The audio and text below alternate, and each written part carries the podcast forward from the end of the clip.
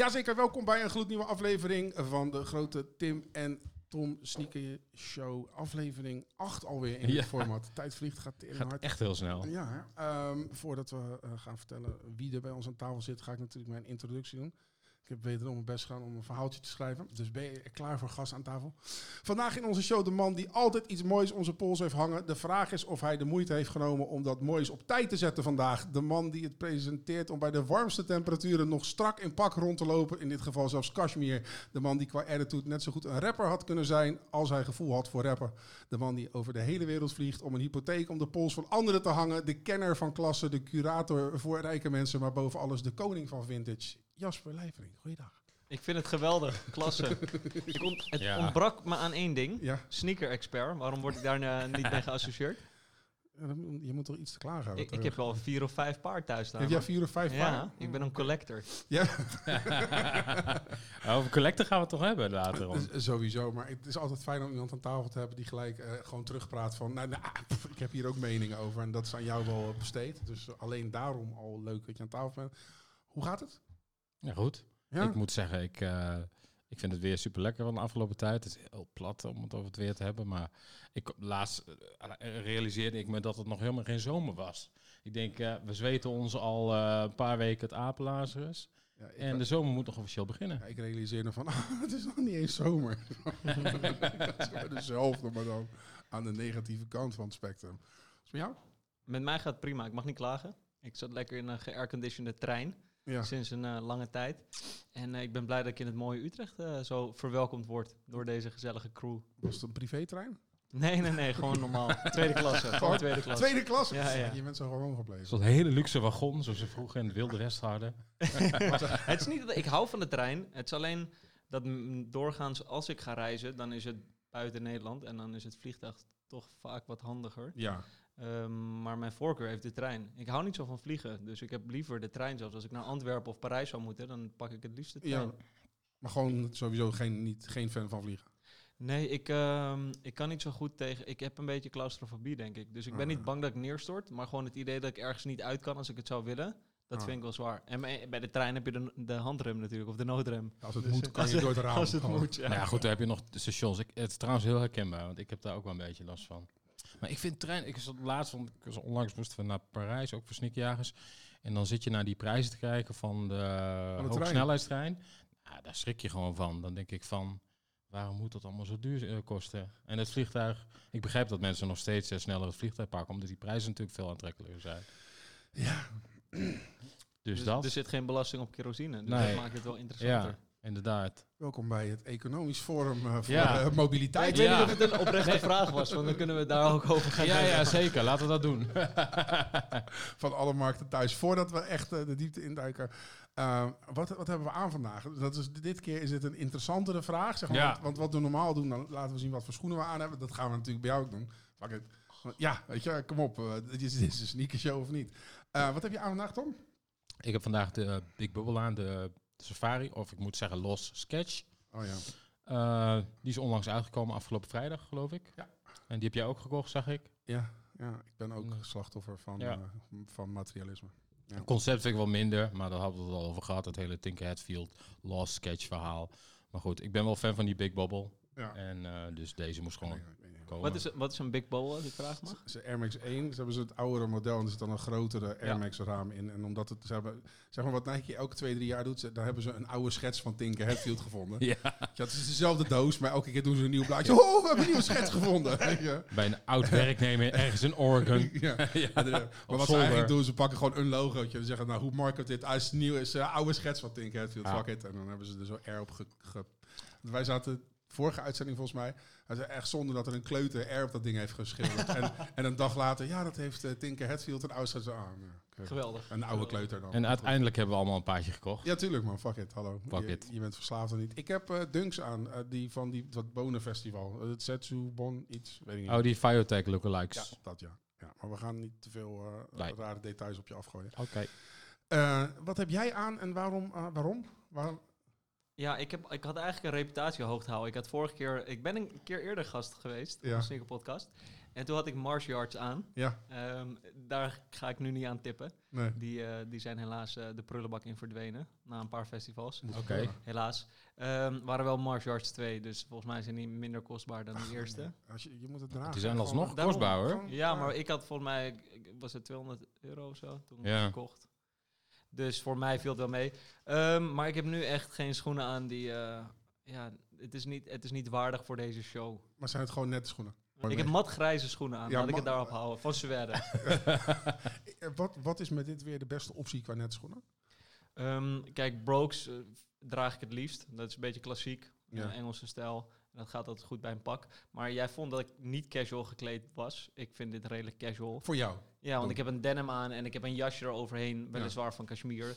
En een overhemd met een paar knoopjes los. Dat is voor, mij voor mijn doen, is dat redelijk casual.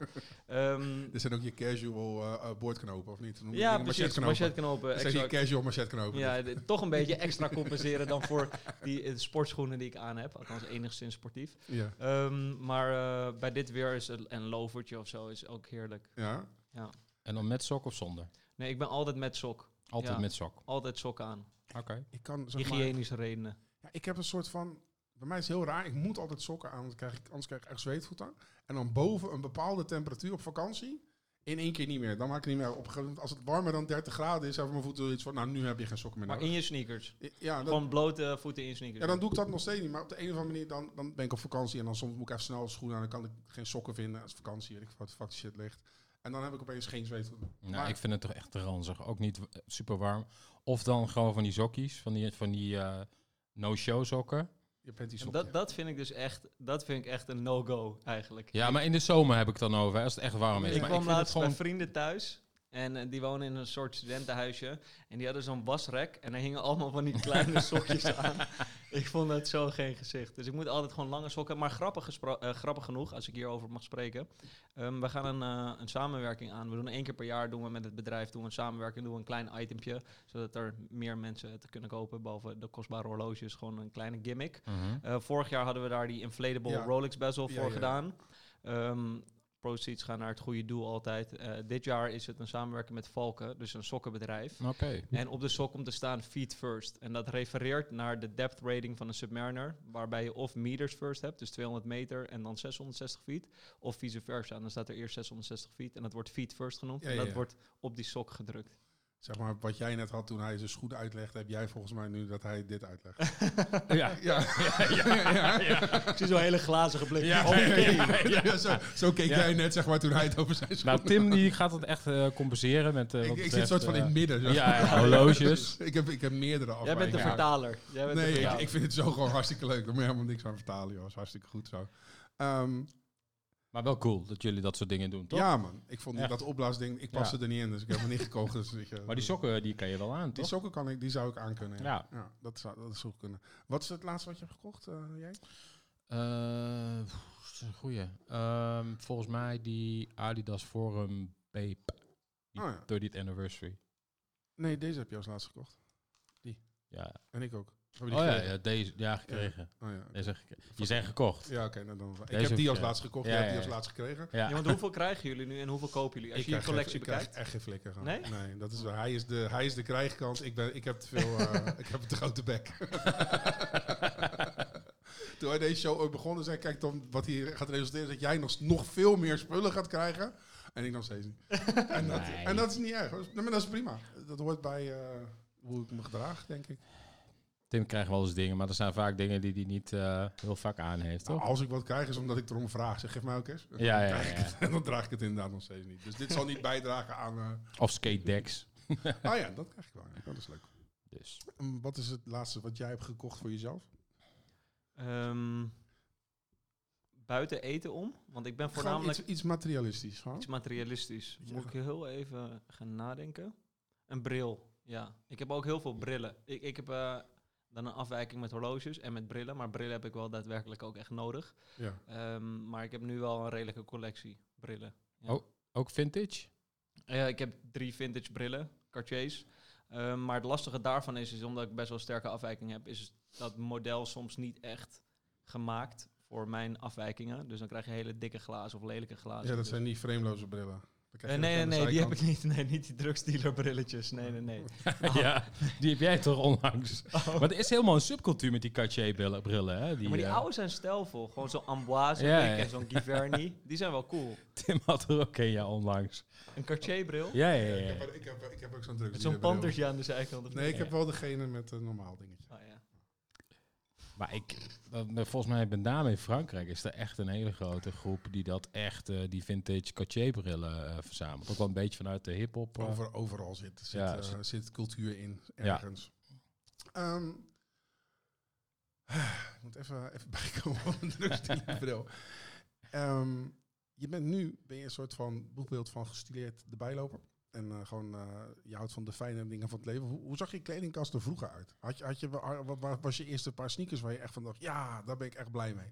Eh, ik grapte aan het begin van de show dat ik het enigszins deed ter compensatie Ja, van mijn slechte karakter of dat ik serieus genomen word. ja. Zo is het wel een beetje gestart, omdat ik in de horloge scene kwam op een redelijk onconventioneel jonge leeftijd. ja. Dus toen moest ik zeg maar meten met gasten die 40, 45 waren. En die hadden het al moeilijker om mij serieus te nemen. Nou ja, ik denk als ik mezelf in ieder geval serieus neem en me een beetje fatsoenlijk aankleed, brilletje op in plaats van lenzen, lijkt je toch iets intelligenter. ja, ja. Baardje laten staan, dat helpt ook qua, qua leeftijd.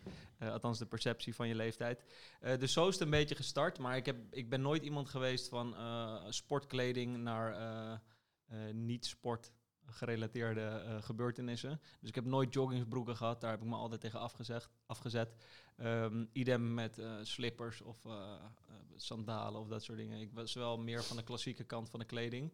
Ehm, maar het is niet zo dat ik op mijn middelbare school in een pak naar school kwam. Nee. Maar wat was je eerste paar sneakers wat je ooit op de middelbare school? Neem ik aan dat je nog wel Nike's of zulke soort schoenen Ik had. had K-Swiss vroeger. Adidas met vijf strepen. Klasse, die begrijp ik gelukkig. Ehm, nee, ik had vroeger K-Swiss en ik weet niet waarom, maar dat... eh, Zo'n tennismodel. Mijn moeder kocht dat dan gewoon bij de Schoenenreus of zo. Dus, maar dat, daar heb ik het over basisschoolperiode. Ja, precies. Ja. Ja, prima toch? Hoeveel van jouw klanten lopen in casual kleding? Ehm, ik denk het merendeel. Eh, doorgaans hebben we ook heel veel sneaker-verzamelaars en eh, dealers. Zeker toen we nog in een iets lager segment opereerden. Dus veel horloges verkocht onder de 10.000 euro. Dat ging veel naar echt jonge boys. En eh, regelmatig ook met eh, een bepaald schoeisel die misschien meer bij hun eh, leeftijdscategorie past. Dan heb ik het over 18 tot 22-jarige jongens. Was veel, ons, veel onze doelgroep. Nu hebben we het iets opgeschaald qua prijsniveau. Dus we beginnen nu een beetje vanaf 20.000 euro. Nu zien we het minder terug. Maar desalniettemin is van onze vijf beste klanten, is denk ik drie daarvan zijn eigenlijk altijd casual. Oké. Nou. Veel rappers, denk ik. Mm, Zeer beperkt. Oké, Ja. oké. Hier en daar hebben we occasioneel een rappertje ertussen lopen die toch net iets stijlvoller is ja. dan het schreeuwige, schreeuwigere eh, counterpart van, eh, van rappers. Maar eh, doorgaans is eh, de rappers scene eh, niet voor ons meer weggelegd. Nee, maar dat is, is prima. Ja, maar het is wel altijd goed om daar tegenaan te schoppen, omdat het levert altijd veel commotie op. Dat, eh, daar, ga, daar komen we zo nog even op terug. Voordat we eh, verder de vraag ingaan, gaan we het eerst even over wat sneakers hebben. Is dat eh, goed, een goed idee? Ja, vind open ik ik nog even een biertje. Ja, ik heb het me niet voor niks daar zitten. Als die op is, is er nog één. Die moeten we dan even uit de koelkast toveren. Top. Boven staan ook nog twee trouwens. Nou, Kom nog ik twee. achter, ja. Hoppa, lekker man. Sorry Maar gaan voor dit geluid, hoor, ik Nee, nee, dat hoort erbij man. Kom op. Lekker. D-Date, Onyx Dial. Lekker. Bijna. Ja? Heel dichtbij. Bloodstone. Ah, heerlijk. Het komt het licht. nieuws van de gram? Gaan we nieuws Ja, van de gram? toch, ja. Ja, oké. En dat zal je niet verbazen, maar het zijn weer Air Max 1. Oh ja. Ja, maar dat was ook niet zomaar, dit geval. Nee, dat is waar. Dat is Wat waar. een tyfus lelijke Ja. schoen is dat. Nou, ik ben echt benieuwd naar het verhaal achter deze. Wat was de naam ook alweer van deze? Deze had ook een naam, toch? Want ik denk dat die titel niet eh, de naam is De, van de de, ambitious color, ambitie- ambitieuze kleurstelling Ja, decoreert de laatste Air Max 1. Ik vind Hebben jullie die ook? Hebben jullie die ook? Ik vind hem lekker, lekker sarcastisch. Het is een ambitieuze kleurstelling. Hij staat denk ik wel in de, in de release kalender. Maakt verder niet uit. We kunnen natuurlijk alvast praten over deze Air Max 1. Ja, ik, zie wel goede dingen aan die schoen, maar ik zie veel meer slechte dingen aan deze schoen. ja, ik begrijp gewoon niet dat iemand gewoon in het midden daar accentueerde gewoon zeg maar een soort roze eh, bikini broekje. Gewoon zo. Dat gewoon inderdaad, Die vorm, ja. die zetten we gewoon daar. En eh, je doet het er maar mee. Ja. Hij heeft weer een beetje die... eh, ze, hebben, ze gebruiken heel vaak die, die para-achtige outsole, heb ik het idee. Beetje dezelfde kleurtjes. Ja. Maar verder is, ja, vind ik dit echt afschuwelijk. Echt jammer van de MX1 dit. Nou, wat ze dus doen, en dat, dat viel me dus op, je hebt zeg maar dat, lijn, dat, dat vlak om die swoosh heen. En, en dat vanaf de veters heeft dat zo'n curve wat naar binnen komt. En die trekken ze dan door over de midsole. En dat hielstuk heeft ook een lijn. Dus wat is het enige wat ze doen, zeg maar die lijnen gewoon doortrekken. En dan in het midden opeens een vlakje inkleuren. Van, Ik, ik oh, heb dit ook nog nooit gezien. Dat, misschien is dat wel het positieve dat ze iets eh, nieuws eh, proberen op de MX1. Maar ja. Mag ik een vraag stellen? Ja. zeker. Ehm, ik zie dat die aan de linkerkant die swoosh blauw is en aan de rechterkant zwart. Is dat de buitenkant die zwart is en de binnenkant blauw? Of is De- het links is blauw en rechts is zwart? De, de, de, weet ik niet. Dat, eh, dat weet je bij Nike. Het kan best wel zijn dat er zelfs vier verschillende kleuren swooshes zijn. Dat ze er gewoon echt helemaal voor gaan. Dus het enige wat we weten is dat we dus eh, de rechter schoen een lichtblauwe swoosh heeft aan de binnenkant. En de linker en zwarte aan de buitenkant. Hoe ver, hoe ver dat, dat je als, als, als zeg maar merken opeens een klassiek horlogemodel pakken en gewoon opeens iets heel anders ermee doen? Ehm, doorgaans worden heel veel modellen extreem uitgemolken. Ja. Eh, als het een bewezen formule is, dan zien, los van de horloge space, denk ik, alle commerciële bedrijven hun, hun kans schoon om dat nog verder eh, ja, uit te melken met verschillende variaties. En op korte termijn denk ik dat het wel de sales boost. Maar op lange termijn doet het alleen maar afbreuk aan het klassieke en het originele design en de historische waarde daarvan. Ik denk ook dat innovatie niet echt een rol speelt, toch? Binnen de binnen loges. Dat dat echt iets is wat... Ja, de praktische kant beperkt. Zeker als je kijkt naar, eh, naar mijn voorkeur, wat naar esthetiek en historie uitgaat. Misschien bij jullie ook. Mhm. Ehm, ik kan me voorstellen dat je wel wil dat je schoen een beetje fatsoenlijk loopt. Want ik weet dat die martial arts 1, volgens mij, die liepen echt heel slecht. Of dat Ja. deed heel veel pijn aan je hiel of zo. Ehm, dus dat, die uitzondering daar gelaten is bij horloges, eh, of hij nou op tijd loopt of allemaal rare functies heeft. Dat is ondergeschikt aan het verhaal, in mijn beleving, en het design ervan. Ja, ja. Dat is met eh, heel veel sneakercultuur net zo. Allemaal verhalen, et cetera. Maar ik vind dit, zodra het zeg maar... Toevallig zag ik pas een, een, een Swatch model. En hadden ze het horloge hadden ze, zeg maar scheef nog een keer half eroverheen geprint. Dat je denkt van, hè, waar kijk ik nou naar? Je, en dan bij Swatch vind ik het leuk. Ja, Ik kan me niet voorstellen dat je dat dan een keer bij een Rolex doet. Dat je gewoon half eh, een Daytona, zeg maar scheef over een Daytona print. Denk van, hé, hey, we hebben wat... Zo voelt dat een beetje. Ja, Rolex is wel heel conservatief. Ja. Dus hun eh, evolutie die kristalliseert zich uit over meerdere decennia, maar in een hele kleine verandering die telkens optreedt. Ehm, en over de gehele linie gesproken zie je dan wel mooi eh, hoe dat evolueert. Maar het is nooit dat ze echt buiten de, eh, buiten de gebaande Nee. paden gaan en iets heel raars introduceren. Ja. Wat Swatch natuurlijk wel eh, dat, eerder maar doet. die zijn daar ook voor. zeker. Beding Apes. Hiervoor? Ja, ja, ik vind die, uh, die vind ik wel een tof schoentje. Ik heb eh, zelf eh, ook een paardje en die blijft supergoed. Eh alleen ik ben niet zo'n fan van deze gradient colorways. Een beetje iets te... Je, je weet hoe ik ben, hè? Ik zie dan... Ik probeer zeg maar meer neutrale schoenen te kopen tegenwoordig. En dan komt die, die paars met mint komt langs en ik, oeh, ik wil het. Ja, dit is wel Oh. echt een Tim, eh Tim Ja. schoen. Ik zie al een of andere eh, polo Ja, die ik hiermee goed kan matchen. ja. Ik, ik- heb al gekeken, maar dan zie ik weer dat ze 320 euro zijn. En denk ik, ja, kom op man. Doe is wel prijzig, hè? Ja, het is gewoon een dunk met een ster erop. Een dunk is 110 en dit is 320, laat me rust. Ik vind het nog wel heel stil rond het hele, die hele rechtszaak die, die loopt met eh, Nike. We hebben dat een tijd geleden hebben we dat gehoord. eh, met dat plagiaatverhaal. En eh, daar horen wij helemaal niks meer over. Ik denk dat het, ik weet niet wat er gaat gebeuren, maar Beep is niet gestopt met produceren. Die hebben gewoon zoiets van, we zien het wel. Door daar. Nee, En die brengen ook gewoon volgens mij onlangs nog een Jordan 1-achtig model uit. Ze gaan gewoon door. Maar dat doen ze ook met horloges. Hè? Ze hebben Bapex of zo. En Ja. dat is een soort Ja. eh, slap aftreksel van Rolex. Ja, Ik weet ook niet hoe ze daar juridisch gezien telkens mee wegkomen. Maar blijkbaar eh, Ja. is het nog acceptabel. ja, een Beep is zeg maar cool. Oké. Dus dan mag het. Maar ik vraag me af of Rolex Bape heel cool vindt.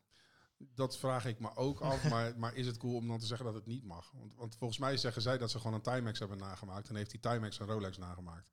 Ah, oké. Ja, want Hmm. het is volgens mij een volgens mij is het een eh, samenwerking met Timex, daarom heet het Bapex. Wel Maar- heel toevallig dat ze allebei eindigen op X. Ja. Rolex, Ja. Timex. Ja, maar Timex doet het ook toch? Die maakt ook die eh Submariners na. Maar Ja. met Nike is dat natuurlijk ook al jaren. Want Bape opereert natuurlijk al zo lang. Maar Nike heeft ook heel lang zo gedaan. Ja, en, En, eh, en die patenten hebben ze natuurlijk nog niet zo lang. Volgens mij sinds 2021, Nike. Dat hebben ze toen vast laten leggen. En sindsdien zijn al, lopen al die rechtsda- rechtszaken. Ja, nou ja, we gaan het zien. Dan, omdat speciaal omdat jij er bent, een nieuwtje. Eh, een Australische surfer heeft onder water een Rolex gevonden. En eh, die lag er zo te zien al een tijdje. Hij lag er al een tijdje, niet te lang hoor, want dit is een 140-60. Dus dat is een model wat eh, geïntroduceerd werd in de jaren 90. Dus hoogstens ligt hij er twee à drie eh, decennia. Eh, Hij maar- deed het nog. Ja, dat, dat is de kwaliteit. ja, ja. dat Eh, is, Leg maar een schoen 30 jaar onder water. Kijk, kijk hoe die dan loopt. Maar ik vond het wel, ik vond het wel grappig, want hij heeft hem zeg maar gevonden en er staat ook een filmpje. Ik moet heel erg lachen. Er stond een comment. eh, hij had dat ding gevonden, door het horloge gevonden en iets van 20 afgebroken surfvinnen.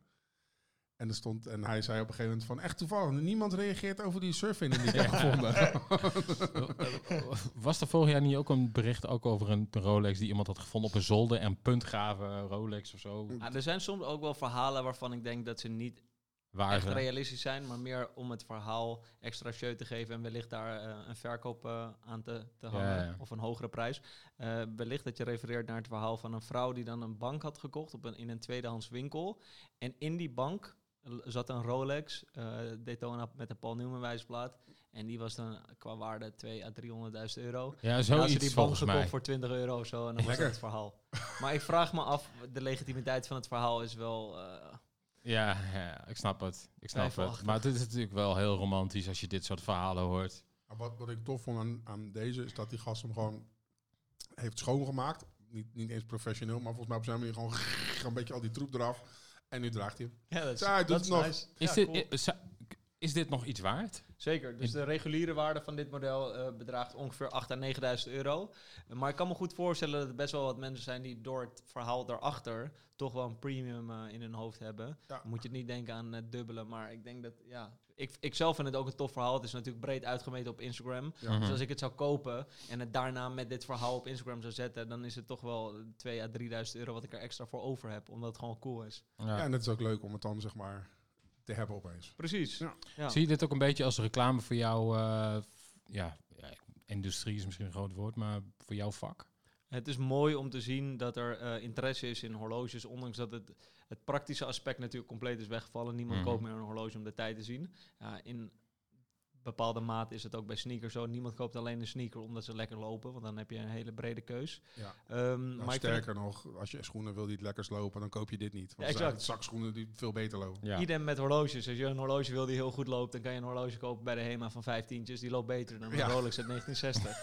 Eh, maar het is wel leuk om te zien dat het nog relevanter, of eigenlijk relevanter is dan ooit. En nog relevanter dan toen de praktische kanten van een horloge eh, waardevol waren. Ehm, dus wat dat betreft eh, is het altijd mooi als dat aan het licht wordt gebracht bij een groter publiek. Omdat het meer mensen kan trekken dan de niche waarin we nu opereren. Ja, oké. Je zei er net al een eh, klein stukje over, maar ik denk dat we wel kunnen stellen dat jouw attitude een beetje haak staat op wat de norm was eh, in de wereld van de horloges toen je binnenkwam. Wat merkte je daar vooral aan aan het begin?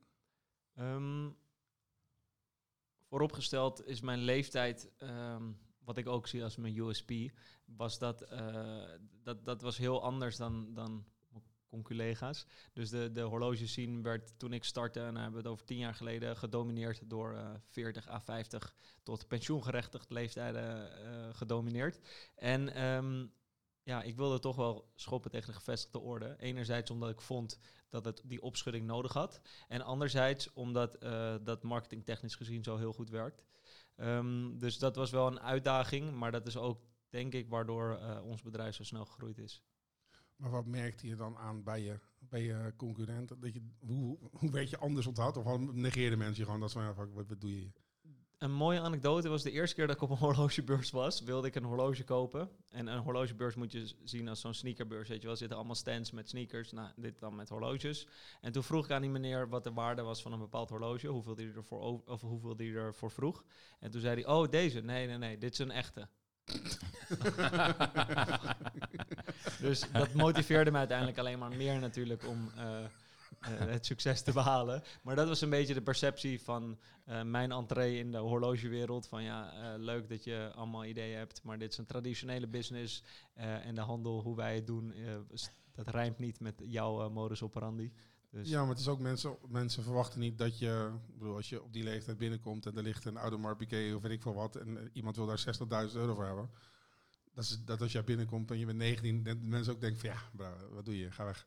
Alsof je hier cash komt afrekenen nu. En dat is een grote fout. Want Ja. daar Ja. hebben wij heel veel van onze klanten aan overgehouden. Omdat er natuurlijk enorme interesse is, ook bij de jeugd, in horloges. Maar niemand sprak tot die eh, enorme doelgroep. Want eh, hun ervaringen was dat ze bij een AD langskwamen. En dat er bij hun werd verteld van, oh, wat kom je hier doen? Of ze, werd, eh, ze werden aangekeken alsof ze iets kwamen jatten. Ja. En zodoende hebben wij eigenlijk een hele grote groep ehm, eh, potentiële klanten weten aan te spreken via social media, waar tien jaar geleden ook nog weinig van gebruik werd gemaakt in de Mhm. horlogescene. En dat heeft ons geen windeieren gelegd. Nou, ja, ondertussen is de hele wereld een beetje gewend aan je. Sterker nog, ik denk precies wat jij nu noemt, dat jullie de, de start zijn geweest van een hele grote verandering in die horlogewereld met die attitude, met die filmpjes, met het social gedoe. Ehm, hoe, hoe zie je dat nu terug? Ik bedoel, als je, als je Instagram ziet, eh, zie ik echt, wel effect van waar jullie mee begonnen zijn. Ja, Instagram is voor ons eigenlijk de grootste drijfveer geweest van het financiële succes. Ehm, omdat we ook heel beperkte concurrentie hadden, konden we gewoon trial and error. eh, gewoon kijken wat werkt, kijken eh, wat aanslaat. En ik denk ook dat het de oprechtheid is daarvan. Omdat wij daadwerkelijk eh, ons zo voelden. We wilden juist die mensen aanspreken die normaal gesproken niet werden getrokken door horloges. Omdat ik dat zelf ook niet word. Omdat die wereld zo exclusief is eh, en helemaal niet inclusief. En dat weet je met social media en YouTube en Instagram natuurlijk makkelijk open te breken. En dat werkt dan ook alleen als ik zelf bij die doelgroep behoor. Anders kan je die doelgroep veel moeilijker op een natuurlijke wijze aanspreken. Ehm, dus dat was voor ons een, eh, een grote drijfveer voor het succes wat daarop volgde. Maar ik moet wel bekennen dat we daar in gematigde eh, afbouw mee bezig zijn. Dus we Ja, willen ja, ja. toch wel weer meer daar, dat ontgroeien. Want ik, ik vind het ook een beetje, ja, een beetje zielig als je daarin blijft hangen te lang. En nu Ja. ben ik ook 30. Ik ben ook gewoon oud. Dus, sorry. eh, sorry. Nou ja. Confronterend Nou ja. dat is Confronterend. Maar na, na, na die video's die jullie deden over rappers, bedoel, er is een hele nieuwe generatie achter jou gekomen die ook allemaal video's doet. Volgens mij zijn er nog nooit zoveel horloge-contentmakers geweest dan dat er nu zijn. Zeker, en ik, ik zeg absoluut niet eh, dat ik daar de aanleiding voor ben geweest. Alleen was het gewoon de juiste tijd en de juiste plek. Ehm, toen ik daarmee begon, was ik de enige die dat deed, of een van de weinigen. Eh, en nu is er natuurlijk een hele grote groep die, mij of die het volgt, maar niet per definitie mij volgt, denk ik. Ik denk dat het een natuurlijke ontwikkeling is. Misschien heb ik wel invloed daarop gehad. Ik denk dat je wel invloed hebt gehad. Maar het is goed dat je bescheiden bent. Maar ik zie wel de voet van wat je deed. Dat is duidelijk te zien. Ik hoor zelden dat ik bescheiden ben, maar dat is fijn. ja, in dit geval wel. Ja. Leuk om te horen. Ja, soms Ehm, maar ehm, ja, ik, ik, als ik het nu zou doen, zou het ook niet meer oprecht overkomen. Omdat ik, ja, Je bent er voorbij. ja ik ben, Was het, tof het is nu klaar. Ja. Toen was het leuk en toen was ik 22 en, of 24 en toen was het grappig. Maar als ik het nu ga doen, is het een beetje sad. Wellicht dat ik nog één keer een, return episode Ja, maak. maar dan gewoon, eh, gewoon echt vol erin. Gewoon.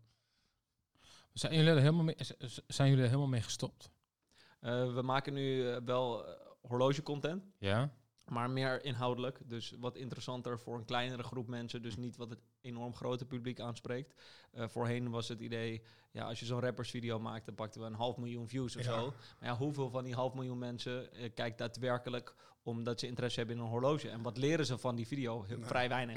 Nee, ze wouden gewoon zien hoe hun favoriete rapper beledigd werd door iemand die er zoals jou uitziet. exact, ja, ja, ja. Ehm, dus nu maken we liever video's, en dat doen we ook met eh ja, 15 of 20.000 views, maar waarvan de 15 à 20.000 mensen ook echt iets opsteken, horloge gerelateerd. Eh, en ook wellicht 10 of 5 procent van die mensen in staat zijn om bij ons een horloge te kopen of verkopen.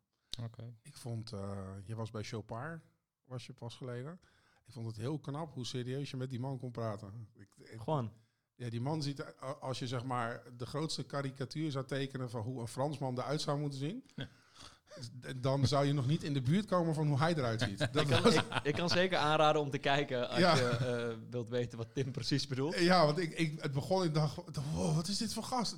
Die was heel serieus. Ik dacht echt, ik vond het echt, ik vond het echt knap. Maar hij is extreem credible. En, Ja, eh, nee, dat geloof ik Hij heeft heel veel kennis en, en status binnen de horlogewereld. Maar hij heeft inderdaad eh, bepaalde afwijkingen fysiek gezien. En Ja. esthetisch gezien, laat ik het zo noemen. Ja, Ja. Ik ben echt benieuwd. Ik ga echt kijken. Ja, niks te nadenken, want het verhaal was heel goed. Maar jij was heel. Ik, maar het is gewoon je natuurlijke respons als je iemand wil. zeg je, Wow, wat is er? Maar ja, Ja, dat de is- 9 van de 10 comments gingen ook om zijn uiterlijk. ja ik heb, dat heb ik dan niet gedaan. Dat vond ik, eh, dat vond ik niet netjes. Ehm, er komt eigenlijk een soort hele lifestyle bij. kijken. Als, als ik zeg maar de horlogewereld zie, dat doet me heel erg denken aan uh, dat is KRS-One. eh rap is something you do, hip-hop is something you live. Ehm, het is niet alleen horloges, horloges, brillen. wa- Wat, wat, die hele wereld heeft een soort van... Ja, er zit zoveel meer bij. Wat komt er allemaal bij kijken volgens jou? Want die interesses van mensen die even horloges kopen... liggen zo ergens buiten... Ja, het is een heel surrealistische wereld voor de meesten. Gelukkig wordt me regelmatig een spiegel voorgehouden door mijn vrienden. Ik heb nog steeds dezelfde vrienden als die ik had op de basisschool. Of in de trein. Of in de trein, precies. Eh, als je eh, de gemiddelde Nederlander zeker gaat uitleggen dat een horloge 15.000 euro waard is, of eh, 50.000 of 100.000, dan is de doorsnee reactie, maar mijn horloge loopt toch even goed. Ja. Eh, dus dat laat wel zien, dat vertaalt een beetje het onbegrip van een horloge, waarom de waarde daar is. En voor mij is dat meer eh, de kunstkant daarvan. Dus het, het esthetische waarde, de mechanische waarde van een horloge, de historische waarde. Ehm, en dat proberen we natuurlijk te vertalen op een, eh, ja, eh, een manier die op alle vlakken eh, raken. Dus lifestyle gezien, om terug te komen op de vraag, moet dat ook wel matchen. Dus ja, je ziet dat terug in auto's, je ziet het terug ook in, in, eh, in kleding. Eh, de stijl van kleding, de materialen die je uitkiest. Want het is toch wel een beetje, vind ik, een contradictie om een kostbaar horloge eh, te proberen te verkopen in je korte broek en een wit t-shirt. Dan kijk ik nu naar jou, Tim. ik wou mijn horloge niet verkopen, maar ik hou hem gewoon. ik denk ook niet dat je hem wil kopen van me. Hij is een mooie tuur hoor. Klasse. Dank je. Hij geeft alleen af, man. Dat is brons. Dus ik heb altijd groene polsen. Maar ja, hè, hoort erbij. Ehm, dit, komt, dit komt niet zomaar aanwaaien natuurlijk. Hè. Je hebt hier jaren aan gewerkt om, om, om dit allemaal te doen. Als ik dan, als ik dan zie, vliegtuig daarin, Dubai daar. Zo, zo, hoe, hoe snel went dit? Ehm, het went niet zozeer snel, alleen ik ben er zeer weinig van onder de indruk. Dat is niet bedoeld om heel cool te doen, dat ik niet on, maar ja, bijvoorbeeld celebrities of eh, private jets of eh, dure etentjes. Dat is niet waar ik per definitie mijn vreugde uit haal. Dus het is ook niet iets wat ik nastreef en het is ook niet iets wat, eh, wat ik daarom, wa- waardoor ik er verloren in raak. Dus voor, ik denk dat dat ook wel een belangrijk aspect is van het succes. Dat eh, don't get lost in the sauce, zoals eh, Gucci Mane zei. Ehm, Hey. dank, Ja, dank, ja. dank. Even, even street even- reference. Ja, even credibility op. Nou, we hebben nu een titel voor Spotify. Ja, Don't get lost in the sauce. Ja, dankjewel Jasper. Dus eh, in die zin, het went niet, omdat ik het nog steeds wel af en toe, ja, je maakt wel exorbitante ervaringen mee. Maar anderzijds is het ook niet iets wat ik, waar ik heel erg trots op ben. Waar ik trots op ben is dat ik een horloge kan vinden of kopen of verkopen die iemand anders niet kan vinden of, of, of kopen. Uh, idem met jullie met de schoenen. Jullie willen graag schoenen hebben die niet hier iedereen kan kopen. Dat is ook een beetje het spel. Jij bent diegene die die, die, paddas heeft. Jij snapt de waarde van die paddas. Jij kan het iemand anders uitleggen. En daar zit de waarde voor mij in. Niet eh, om private te vliegen of eh, dure flessen wijn te drinken. Nee, dit is geen onderdeel van je ambitie. Nee, helemaal niet. Nee. Ik ben te- meer tevreden als ik op een eh, zolderkamertje zit en de lijpste horloges aan het pushen ben.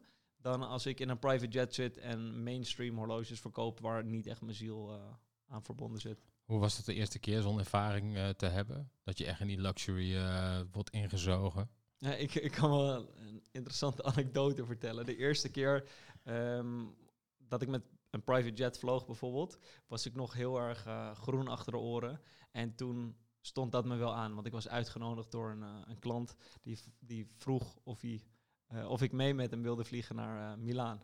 Dus dit was, dit was een welbespraakte, gewoon echt eloquente jongen ehm, die mij uitnodigde om op een jetreis te gaan. En hij zag er goed uit, gewoon netjes gekleed. En ik ging naar Schiphol-Oost. En er stonden twee gasten in een eh, zwarte G-Wagon met eh, in een eh, joggingsbroekje. En daarna stond er een gast in een Bentayga met geblindeerde ruiten in, een, in sandalen. En dan gingen we met die gasten vliegen. En toen kwamen we er al snel achter, of tenminste, ik kwam erachter, dat het niet helemaal in de haak was. Want volgens mij een tien minuten of kwartier later kwam 40 man de marechaussee. En toen werd ik in een aparte kamer meegenomen om te vragen wat ik eigenlijk ging doen. En toen was het verhaal natuurlijk flinterdun. Want eh, ik zei dat ik was uitgenodigd door die persoon om naar Milaan te gaan, wat ook de waarheid was. Ja. Eh, maar ik had geen reden om daarheen te gaan. Ik wilde gewoon een keer in een jet zitten. En toen had ik ook nog een koffer vol met horloges in mijn tas. want die persoon had mij verzocht om een paar horloges mee te nemen. Want dat Ja. vonden zijn vrienden ook wel cool. Ja. Ehm, dus werd ik even met mijn neus op de feiten gedrukt dat, eh, dat het ook een andere kant van het spectrum kan hebben.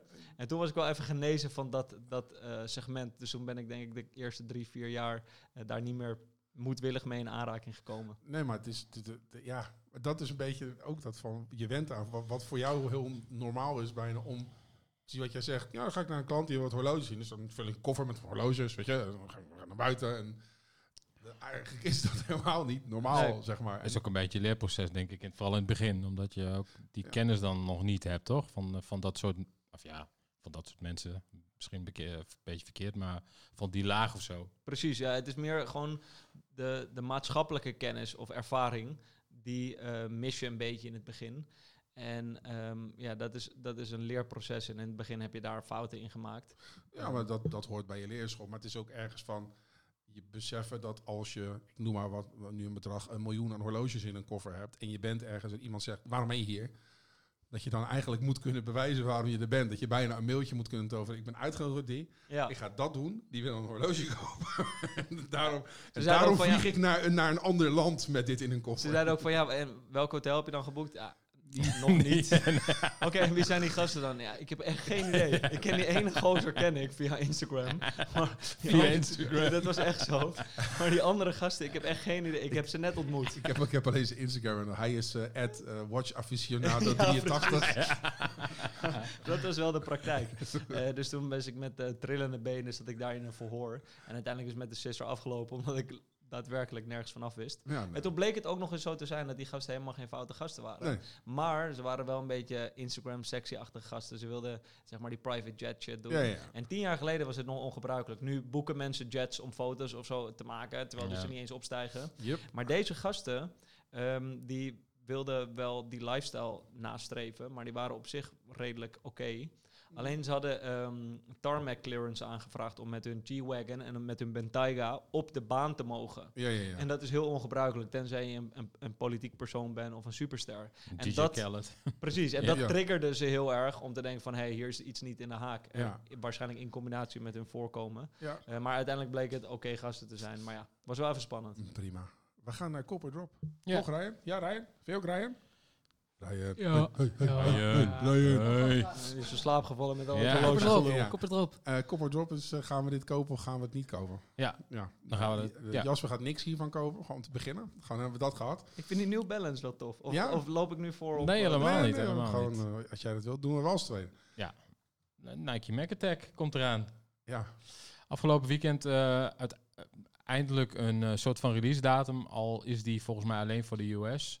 En dat was eh, dus de 23 juni, aanstaande vrijdag. met een video met Travis Scott en Ja. John McEnroe die aan tennis waren.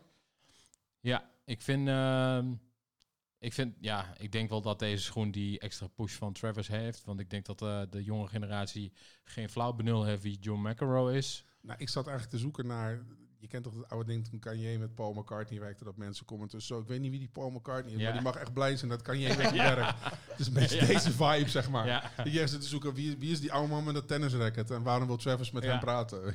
Nou ja, de, eer, de Airtrainer 1, die kwam natuurlijk vorig jaar ook uit. En eh, dat, dat is ook een John McEnroe schoen eh, destijds. En eh, Travis Scott heeft natuurlijk ook Airtrainer 1 gedaan vorig jaar. Correct. Correct. Dus eh, er is wel een, eh, er zijn wel raakvlakken natuurlijk.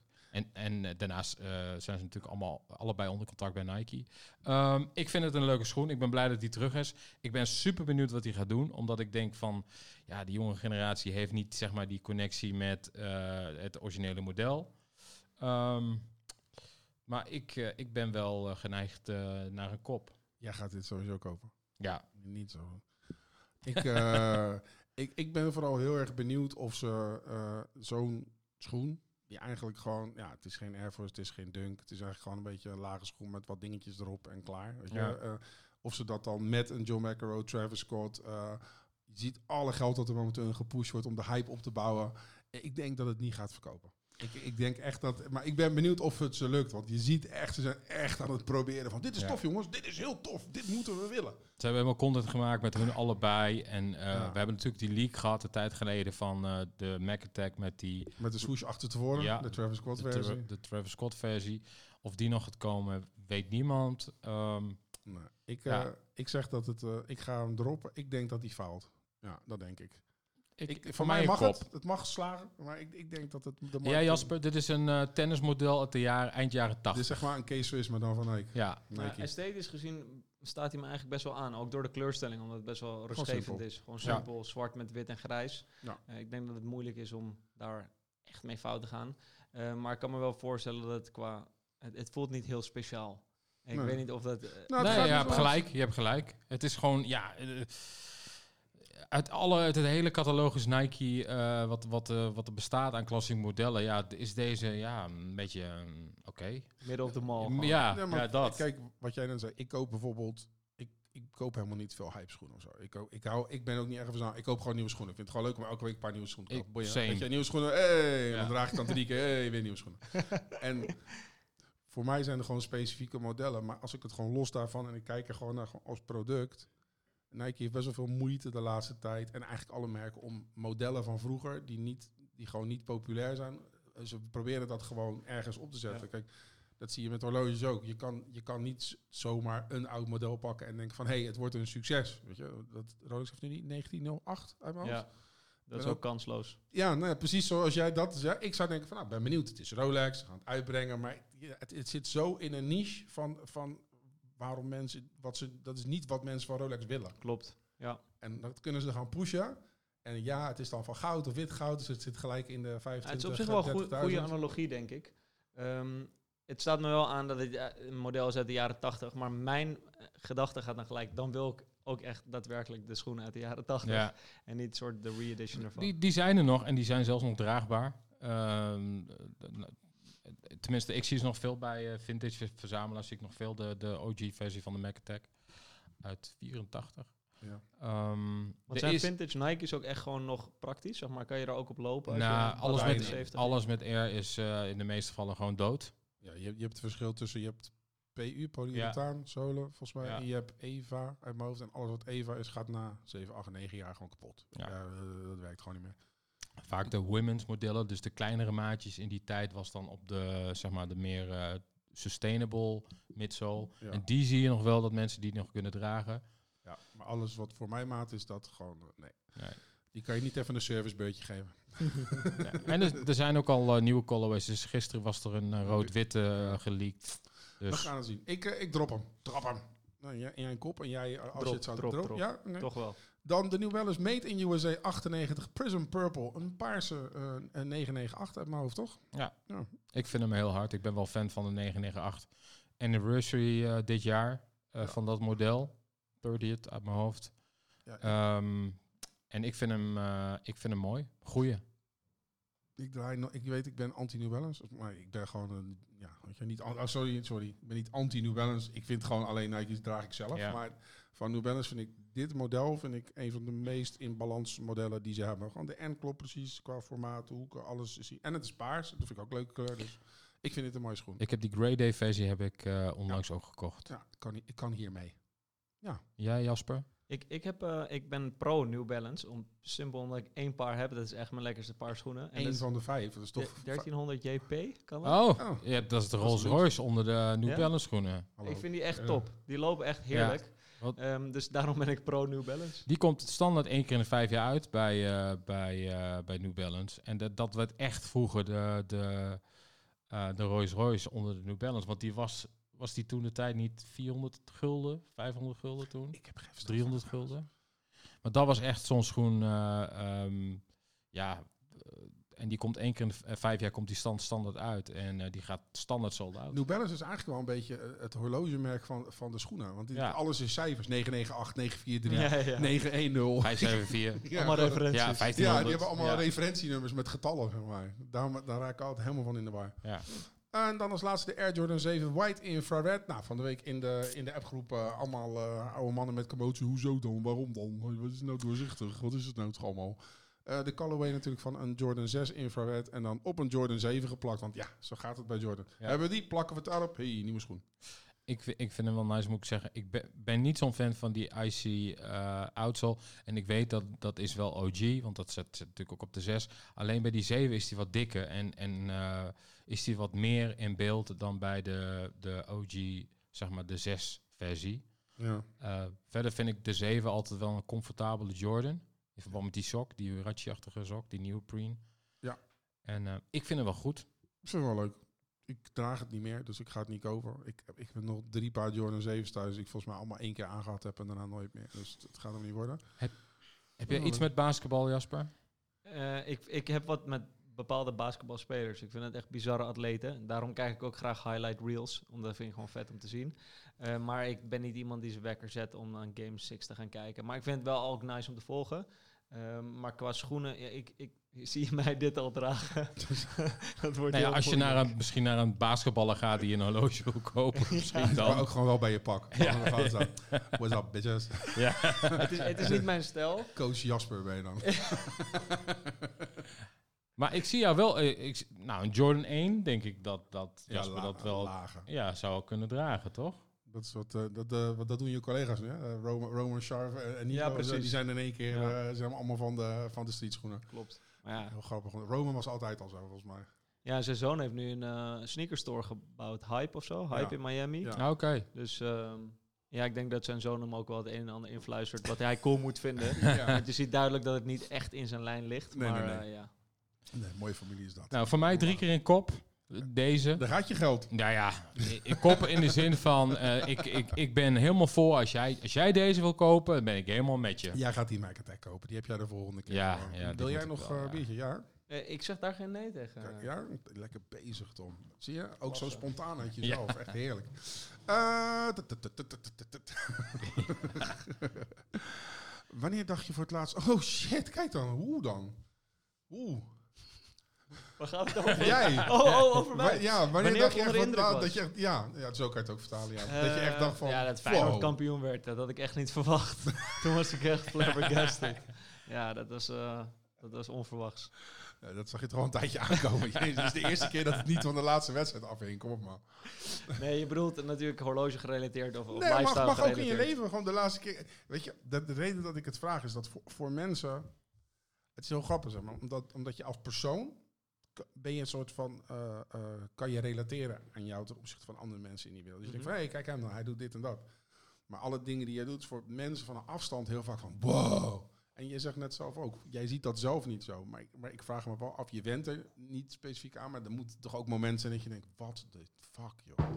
Wat is, dit- wat, gebeurt, wat is dit nou weer?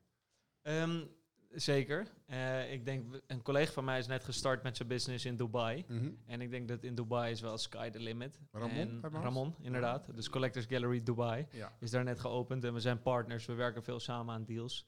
En de wereld daar is toch wel iets minder eh Calvinistisch, als ik het zo mag benoemen.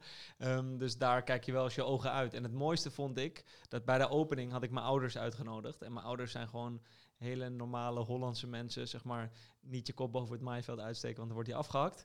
En we waren met z'n allen daar en ik had mijn ouders uitgenodigd naar de club. Waar we de openingsfe het openingsfeestje gingen bezegelen. Ehm, en ja, je kan je voorstellen, daar worden dan van die flessen besteld. En dan komt zo'n hele crew komt zo langs. Ja, het confetti, lichtborden, eh eh, onderdelen zo. En mijn ouders die stonden in die club. En mijn moeder vraagt op een gegeven moment van... Ja, wat is eigenlijk het idee hiervan? en toen dacht ik wel van... Ja, je, je hebt eigenlijk helemaal gelijk. Ik heb echt geen flauw idee waarom dit leuk zou moeten zijn. Dit is echt... Maar ja, dan, dan kijk je wel met zulke ogen naar wat er gebeurt. En zeker de prijskaartjes die aan die flessen hangen. Ja, ik zag toevallig een video gisteren of zo van, van het weekend van iemand die ergens in een club zo'n Magnum bottle kocht en op de grond gooide. ik zag het. Wat een kansloos figuur was dat. Ja, dat ik echt Ja. dacht van ja. En ik hoop toch, want er stond man drops a whole bottle in de kop. Ik dacht, hij gaat hem vallen vallen. ongeluk, Hij gaat ja. hem maar dat deed hij niet. Hij gooide het gewoon op de grond. Het was echt treurig. Ehm, maar ik wil nog één ding benadrukken. In een bepaalde zin is, zijn horloges natuurlijk materialistisch. Maar ik vind het genieten van een product, vind ik niet per definitie materialisme. Nee. Dus het, het, het genot wat je er zelf uithaalt, dat vind ik iets veel diepgaanders dan het oppervlakkige materialisme. Als je te veel waarde hangt aan materiaal, dan vind ik het materialistisch. Maar niet als je ehm, binnen die verdieping jouw, jouw plezier haalt. Nou, voor, voor, mij, voor mijzelf, zeg maar, het eerste horloge wat ik ging kopen, was natuurlijk omdat jij altijd onder mijn fucking video's aan het janken was over mijn Invicta's. Ah, Hij heeft er ook een. Hij is weggelopen. ja, hij is weggelopen. Nee, maar ehm, ik heb altijd een soort incentive nodig om mijn best te doen. Ik verveel me snel. Ik- alles gaat gewoon prima. Ik hoef niet echt heel snel mijn best te doen. Alles is gewoon cool. Maar je wil gewoon een soort van incentive hebben van... als ik dat, dat en dat fix, dan mag het. Weet je? En dan, dan het heeft een soort van... eh, Medaille om je pols. ja, maar, maar het was... ehm, in de video's die je dan ziet dat mensen zeggen van... Ja, het is een soort bezegeling dat je iets bereikt hebt. En ik heb het zeg maar omgedraaid van... Hey, eh, ik wil eigenlijk iets bereiken. Nou, weet je wat? Eh, dan mag je dan een horloge kopen. Je, je gebruikt het juist als motivatie. Ja. Ja, en, en, ik, ik ben het wel met jou eens dat, dat er is een verschil tussen. Kijk, als jij gewoon een bepaalde fles. Ik bedoel, ik heb ook wel eens in, in een club een fles drank gekocht. Maar dat was puur omdat ik dan niet voor om de 10 minuten in de rij hoefde te staan om weer een glas te halen. Weet je? Nou, dan koop je één keer een fles, dan zuipt iedereen om je heen in diezelfde 10 minuten die fles leeg. En Ja, weer in de rij gaan staan. Dus dat heb ik daarna ook nooit meer gedaan. Maar als je inderdaad iets doet voor, voor jezelf, omdat het fijn is, ja, prima. Weet je? Voor mij is het ook, ehm, horloges is natuurlijk ook het objectief, van, de objective van het bedrijf. Voor mij persoonlijk ook. Dus niet eh, meer welvaart vergaren. Want het enige extra welvaart die ik vergaar, ga ik weer besteden aan horloges. Dus ik zie het meer als dat ik een soort Pokémon trainer ben, een soort Ash Ketchum. En ik wil alle Pokémons wil ik sparen. Ja. En ik wil niet meer geld verdienen. Ik wil alleen meer geld verdienen, zodat ik meer horloges kan kopen. Dus ik ambieer het ook niet om eh, eh, clubavonden allemaal flessen te bestellen of dat soort geintjes. Ja, dat boeit mij niet. Tenzij het bijdraagt aan mijn objective dat ik weer horloges kan kopen. Dus als ik met klanten ben, dan zou ik dat doen. Zodat zij daarna weer horloges gaan kopen. dus ja, het, het draait om horloges. Heb je vaak dat, want jij bent natuurlijk wel een grote liefhebber van horloges. Heb je vaak dat eh, de, de klanten zijn die eigenlijk volgens jou, als je echt naar persoonlijk naar jezelf kijkt, als liefhebber, om de verkeerde redenen een eh, horloge bij jou kopen? Dat is een goede vraag. Ehm, en die kan ik volmondig met ja beantwoorden. beantwoorden. Als mensen starten met wat is een goede investering, dan zeg ik, eh, ik ga je niet helpen. Mijn tijd niet aan jou investeren, dat is een goede investering. Ehm, want dat is de verkeerde reden. Als je een financial incentive hebt om een horloge te kopen, dan vind ik dat bezwaarlijk. Ehm, betekent niet dat ik, ik snap dat als je een horloge koopt, het mooie aan veel, zeker vintage horloges, is dat het zijn waarde houdt, soms meer waard wordt. Ik snap dat het aantrekkelijk is en het hoeft ook niet achter stoelen of banken gestoken te worden. Als je het ooit weer verkoopt, is het mooi als je dat bedrag weer kan gebruiken om een ander horloge te kopen. Maar als puur je eh, motivatie om een horloge te kopen is om het in de kluis te leggen en na vijf jaar weer te verkopen, dan weiger ik je om een horloge te verkopen. Gelukkig zijn we nu in die positie om dat te kunnen doen. Voorheen moesten we gewoon zoveel mogelijk horloges verkopen, logischerwijs. Ja. Eh, maar dat, dat vind ik echt een dooddoener. Als iemand met eh, die motivatie start, dan denk ik, ja, dan... eh, Ja, wij krijgen dat ook eh, de afgelopen jaren. Hoe Ja. vaak we die DM's krijgen Ja. van... eh, gaat deze schoen meer waard worden? Ja. De hoeveel keren dat ik heb gesteld dat ik echt een baggerschoen zeg. Ja man, ja, groot inzetten. Eigenlijk moet ik Ja. dat doen. Eigenlijk Ja. moet ik dat Gewoon doen. ja man. Als iemand dat vraagt, gewoon het allerkutste Ja, horloge, PRX. technisch. Gewoon, ja, deze moet je kopen. Ja. Ja, Ja. Duplo in het goud met diamanten is top investering. Hier, Eigenlijk zou wegwezen man. Op zouten. Kijk, ik heb echt mensen gewoon zeggen, ja man, ja, ja, man. En als je mazzel hebt, pak je deze. Dit is top, dit is Fuck top. off, man. Ja, bij sneakers is dat ook. Met resellers. We krijgen zo vaak DM's met mensen van... Hey, kun je niet tips geven om te resellen? Ja. Dat ik denk van... Dat is gewoon een fucking baan. Daar moet je echt voor werken. Daar moet je voor Ja. grinden. Daar moet je eh, kennis voor opdoen om dat te kunnen. Het is niet Ja. makkelijk. Net, dat Tips is net is, koop ja. zoveel mogelijk met Klarna. Ja. Gewoon zoveel mogelijk groot inkopen en dan via Marktplaats, man. Dat is echt de hossel. Gewoon, Ja. gewoon let's go. Heerlijk, heerlijk. Eh, wat is de grootste misvatting over jou?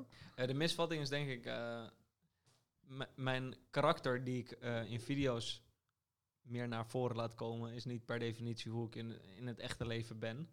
Ehm, en dat is ook iets waar ik duidelijk voor uitkom. Kijk, het werkt natuurlijk veel beter digitaal gezien, marketingtechnisch, als je polariserend eh, werkt.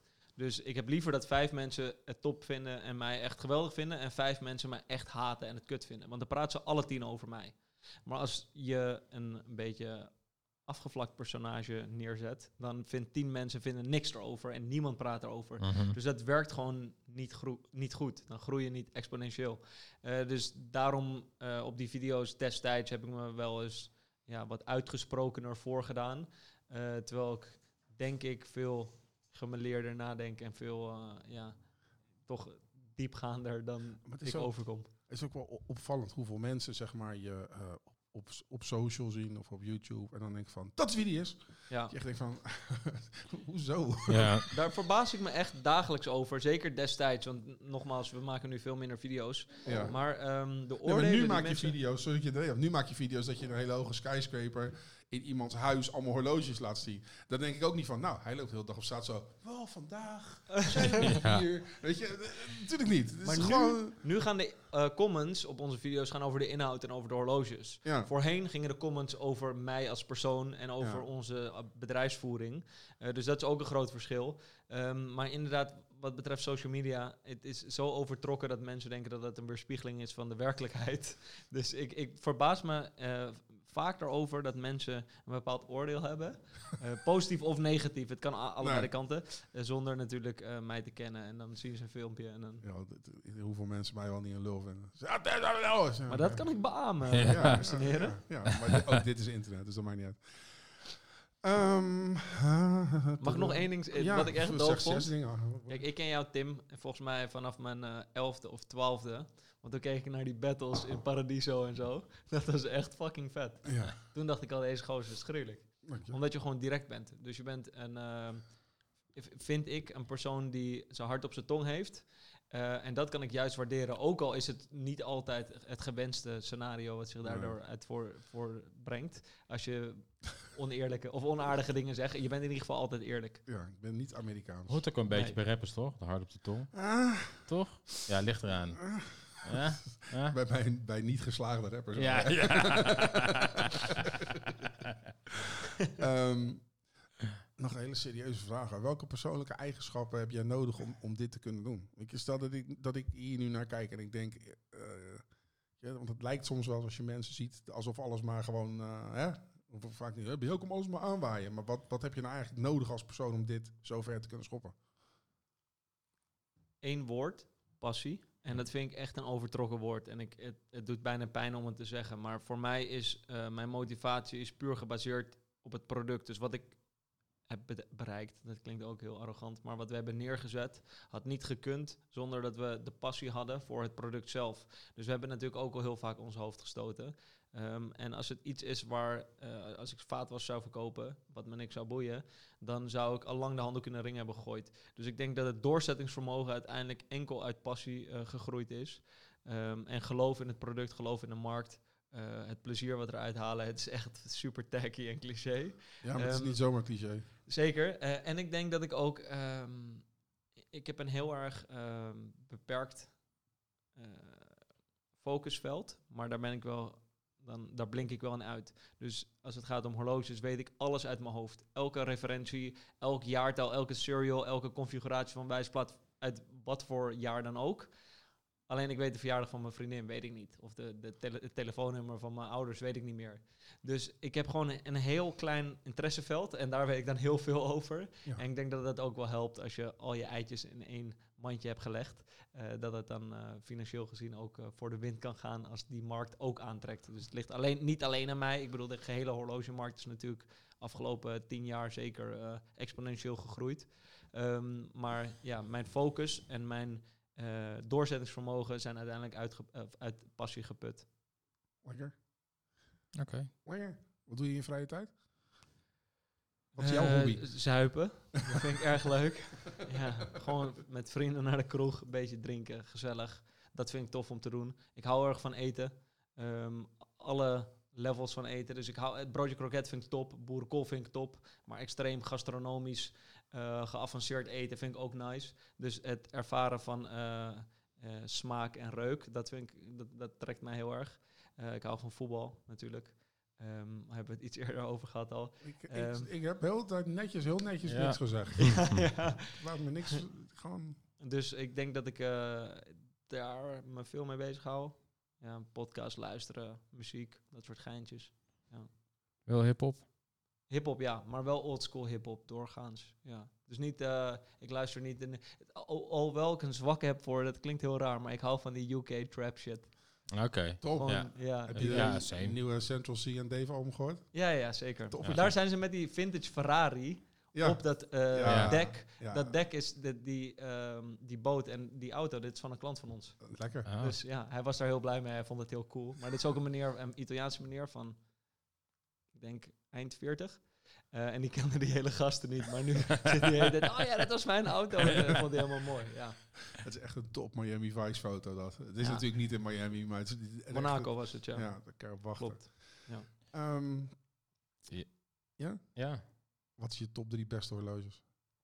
Echt kutvraag, maar kom op. Het is echt een kutvraag, inderdaad. Als, als je 100 kinderen hebt, dan ga je niet vragen wat je favoriete zoon en dochter. Dat is een Ah. beetje een zure vraag. In principe kan je dat gewoon zeggen als je eerlijk bent. Ik ben sowieso Rolex-minded. Dat vind Ja. ik het horloge wat ik het meest waardeer en wat het meeste aanstaat bij mijn eh, karakter. Ehm, dan zou ik gaan voor mijn Datejust. Dat is het allereerste horloge wat ik ooit gekocht heb. Vintage Datejust 1601 kan je kopen voor rond de 5k voor een goede conditie. Ik denk dat het een topstart horloge is, omdat het past bij elke eh, leeftijd. Waar Rolex ook zeker furoren in maakt, is dat ze natuurlijk een hele brede doelgroep hebben. Past bij elke leeftijd, bij elke stijl. Dus of je nou casual gaat of eh, gekleed. Ehm, en het past bij elke periode. Dus in de jaren 60 was het tof, vandaag is het tof, over 50 jaar is het nog steeds tof. En het was mijn eerste horloge, dus daar ben ik een beetje biased in. Eh, aangevuld met mijn Rolex Milgauss. Dat is een Keihard. heel belangrijk horloge voor Welke mij. heb je? Eh 6541 uit de jaren 50. Kleur- Toevallig- oh, die eh, van het eh, schilderij die. Precies. En twee weken geleden is er dus eentje verkocht voor 2,3 miljoen euro. Dus dat zijn wel serieuze knaken. maar ehm, Het eerste moment dat Ryan Ryan- oplet. Ryan Ik de... ga ook de horloges in. Ja, dan moet je nog wel een paar uur overwerken. Maar ik, eh, de, de ehm, zeldzaamheid van het horloge, dat spreekt me heel erg aan. Hè. Dus dat je, dat, je hebt iets wat niemand anders heeft. En dat klinkt heel kinderachtig, maar ja, dat doet me toch wel goed. Omdat ik dat horloge heb verkregen door mijn kennis, door mijn connecties, door mijn passies, is dit soort van het, mijn prijs. Ja. Ehm, en aansluitend nog een horloge wat dan iets dressier is, het Perpetual Calendar van Patek Philippe. En ik heb nu dan een 3970, dus is met een chronograaf. Maar mijn voorkeur gaat nog uit naar de generatie daarvoor. Maar deze zijn rond de 120k. En die generatie daarvoor beginnen een beetje bij 8 ton. Dus dat is dan wel weer Ietsje net iets meer sparen. Ietsje. Gewoon een klein beetje. Dus de 2499 heb ik het dan over. Die wil ik ooit eh, hebben. En dan vervang ik mijn huidige 3970 daarvoor. Eh, maar die samenstelling van die drie horloges, dat maakt een goede collectie. Daar kan je gewoon eh, mee door. Dat, Kan je eh, net mee over straat. dat Patek eh, Philippe, dat, dat had toch onlangs eh, dat al die sterren die, die Tiffany-versie droegen? Was Ja. het die? Ja, Ja, ja, dat, heel veel basketballers ook ja, en zo. Ja. dat, dat is alleen en de Nautilus uit mijn hoofd. Yes, sir. Ja, toch? Ja, Klasse. dingen weten. Krijgen die mensen dat dan, krijgen die mensen dat, dat gesponsord? Of is Nee. dat... Nee, Nee, ze dat moeten wel we voor betalen. Maar de listprijs is eh, rond de 50.000 dollar. En de resellprijs is eh, rond de 2,5 miljoen momenteel. Maar daar zijn er ook maar 70 van of zo, toch? Ja, de, voor... de oplage is zeer beperkt. En je moet gewoon echt gekke knaken hebben uitgegeven bij eh, Tiffany. Wil je daarvoor een uit- aanmerking komen?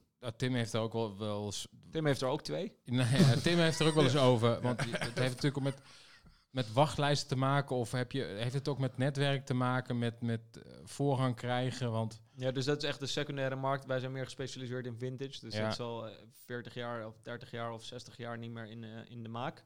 Eh, maar dat heeft wel te maken door, met connecties. eh, en met wat voor andere dingen je koopt. Dus als jij een eh, Daytona wil kopen, dan kan dat natuurlijk niet. De retailwaarde is 11k en je kan hem resellen voor 30k. Maar dan moet je of een goede track record hebben bij de AD... en moet je allemaal andere zooi hebben gekocht... of je moet inderdaad de juiste connecties daarvoor oké, hebben. wat Ja. is... Zal ik de volgende doen? Ja, Wat is een goede investering? Nee, nee. Wat is jouw absolute grail? Qua horloges, uiteraard. Wederom een vraag die moeilijk te beantwoorden is. Omdat het is een goede vraag. Maar eh, mijn grill voorheen was de 6541, dus de Milgauss die ik nu heb. ja. En het is niet zo dat het dan klaar is. Je kijkt dan weer verder. Dus dan zoek je weer iets anders. Eh, en op de ene dag wil je liever deze, op de andere dag wil je liever dat horloge. Dus het is niet zo dat je één horloge kan hebben. Eh, en dat je daarmee content bent, tenminste in mijn geval. Eh, maar mijn volgende doel eh, wordt zeker een gecompliceerde vintage Patek. Dus ik heb er wel een paar gehad, maar dan zijn de complicaties nog beperkt. Dus dan qua- ga je qua prijscategorie ook, ehm, ja, blijf je zeg maar onder de half miljoen. En ik heb wel een bepaalde Patek in mijn hoofd, dus die 2499 of een 1518 die daarvoor komt. Dat is wel een eh, doel wat ik zeker ga halen binnen de komende tien jaar. En wat is, je, Lekker. wat is je grootste stijl? Misschien kunnen we daar wel wat concreter in zijn. Ehm Stiel als in een goede... ja, goede gewoon een supervondst. Een, groep, eh, een supervondst tegen echt gewoon een superprijs. Nou ja, zakelijk gezien, als we particulieren krijgen, eh, die niet zo heel veel over horloges weten, dan kan je de beste deals maken. Maar ik vind ook dat je moreel gezien diegene moet beschermen. Mhm. Dus je mag diegene niet uitknijpen. Bij dealers heb ik het vice versa. Bij dealers heb ik, jij moet je huiswerk hebben gedaan. Jij wilt mij iets verkopen. Als jij iets niet weet, wat ik wel weet, dan zorg ik dat mijn kennis macht is en dat ik daarmee zoveel mogelijk geld ga verdienen. Eén horloge is een configuratie die net iets anders was. Dus een eh, Rolex Daytona met de Paul Newman dial. En dit was een specifieke plaat, RCO. En eh, door de volgorde van de tekst is die 300.000 euro kostbaarder Dan die dan andere. die andere. Ja. En deze handelaar eh, die was daar niet van op de hoogte, dus daar maak ik dan gebruik van. Ehm, maar als de particulier Thanks is, bro. ja, precies. Thanks, bro. Dat is de name of the game. Dan moet je beter Ja, je best doen. tuurlijk. En eh, kijk, als jij niks van horloges weet, je hebt het horloge van je opa geërfd, dan ga ik niet zeggen, luister, eh, dit is een kut horloge, ik geef je 10k ervoor. Dan Nee, ben ik dat- ook eerlijk. Dat, Maar- dan, dan, dat is het verschil tussen wat je zeg maar naar beneden of naar boven Precies. handelen. Ja. Eh, we, we zijn heel veel aan het praten. Hè? Dit wordt een, een lekker kort showtje om te editen. Ja. Lekker man. We gaan naar nieuws van... Ik dacht, we zijn bij een stukje veter. Dus we Hey, zijn nieuws van Tom. Hey, hey, hey. Eh, volgende nieuws van de game. Nou, weet je wat mooi is? Ik, ik nog zeggen, hebben we nog meer nieuws? En toen dacht ik van, oh, ja, tuurlijk, je gaat gewoon een schoen uitbrengen. Ja, Vaak hel, eh, zomaar. In, Nee, je had, je, het was heel toevallig, want ik keek dus vandaag in, de, in, de, in, de, in het scenario. En eh, Tim had eh, heel, eh, gisteren op zondag had hij alles al heel veel al ingevuld. ja. En er was nog één plekje vrij voor de nieuws. En ik was aan het kijken. Toen denk ik in één keer, oh ja, ik breng zelf ook nog een schoen uit binnen, binnenkort. ik denk van, laten we die erin gooien. Sterk. Ja, en er komt eind van de maand, op de 30ste, eh, komt... dat is alweer mijn vierde schoen met kangaroos. De derde uit de 1.5-serie. eh de Inside Job. Ehm, ja, vier al. Jezus. Vierde al, ja. Dus dit is de derde uit de serie van Ja. de 1.5-versie, de, de hybride. En ehm, de quartz. Dus we hebben hem, eh, de design is gebaseerd op eh, rose quartz. Dus het, het steen. En ehm, eh, bij elke schoen zit ook een kleine pouch, leren pouch met een stukje quartz erin. Plus nog wat andere extra's. handgemaakt in Duitsland. En ehm, eh, ja, gelimiteerd tot 400 paar eh, wereldwijd. En eh, ja, super blij. En ehm, dat ik weer een eh, schoen heb mogen maken. Samen met uh, Prime natuurlijk. Morgan uit eh, de UK. En samen met Kangaroos natuurlijk. En die komt eraan de 30, eh 30 juni. Er zit Dus- weer van dat dikke mesh op, hè?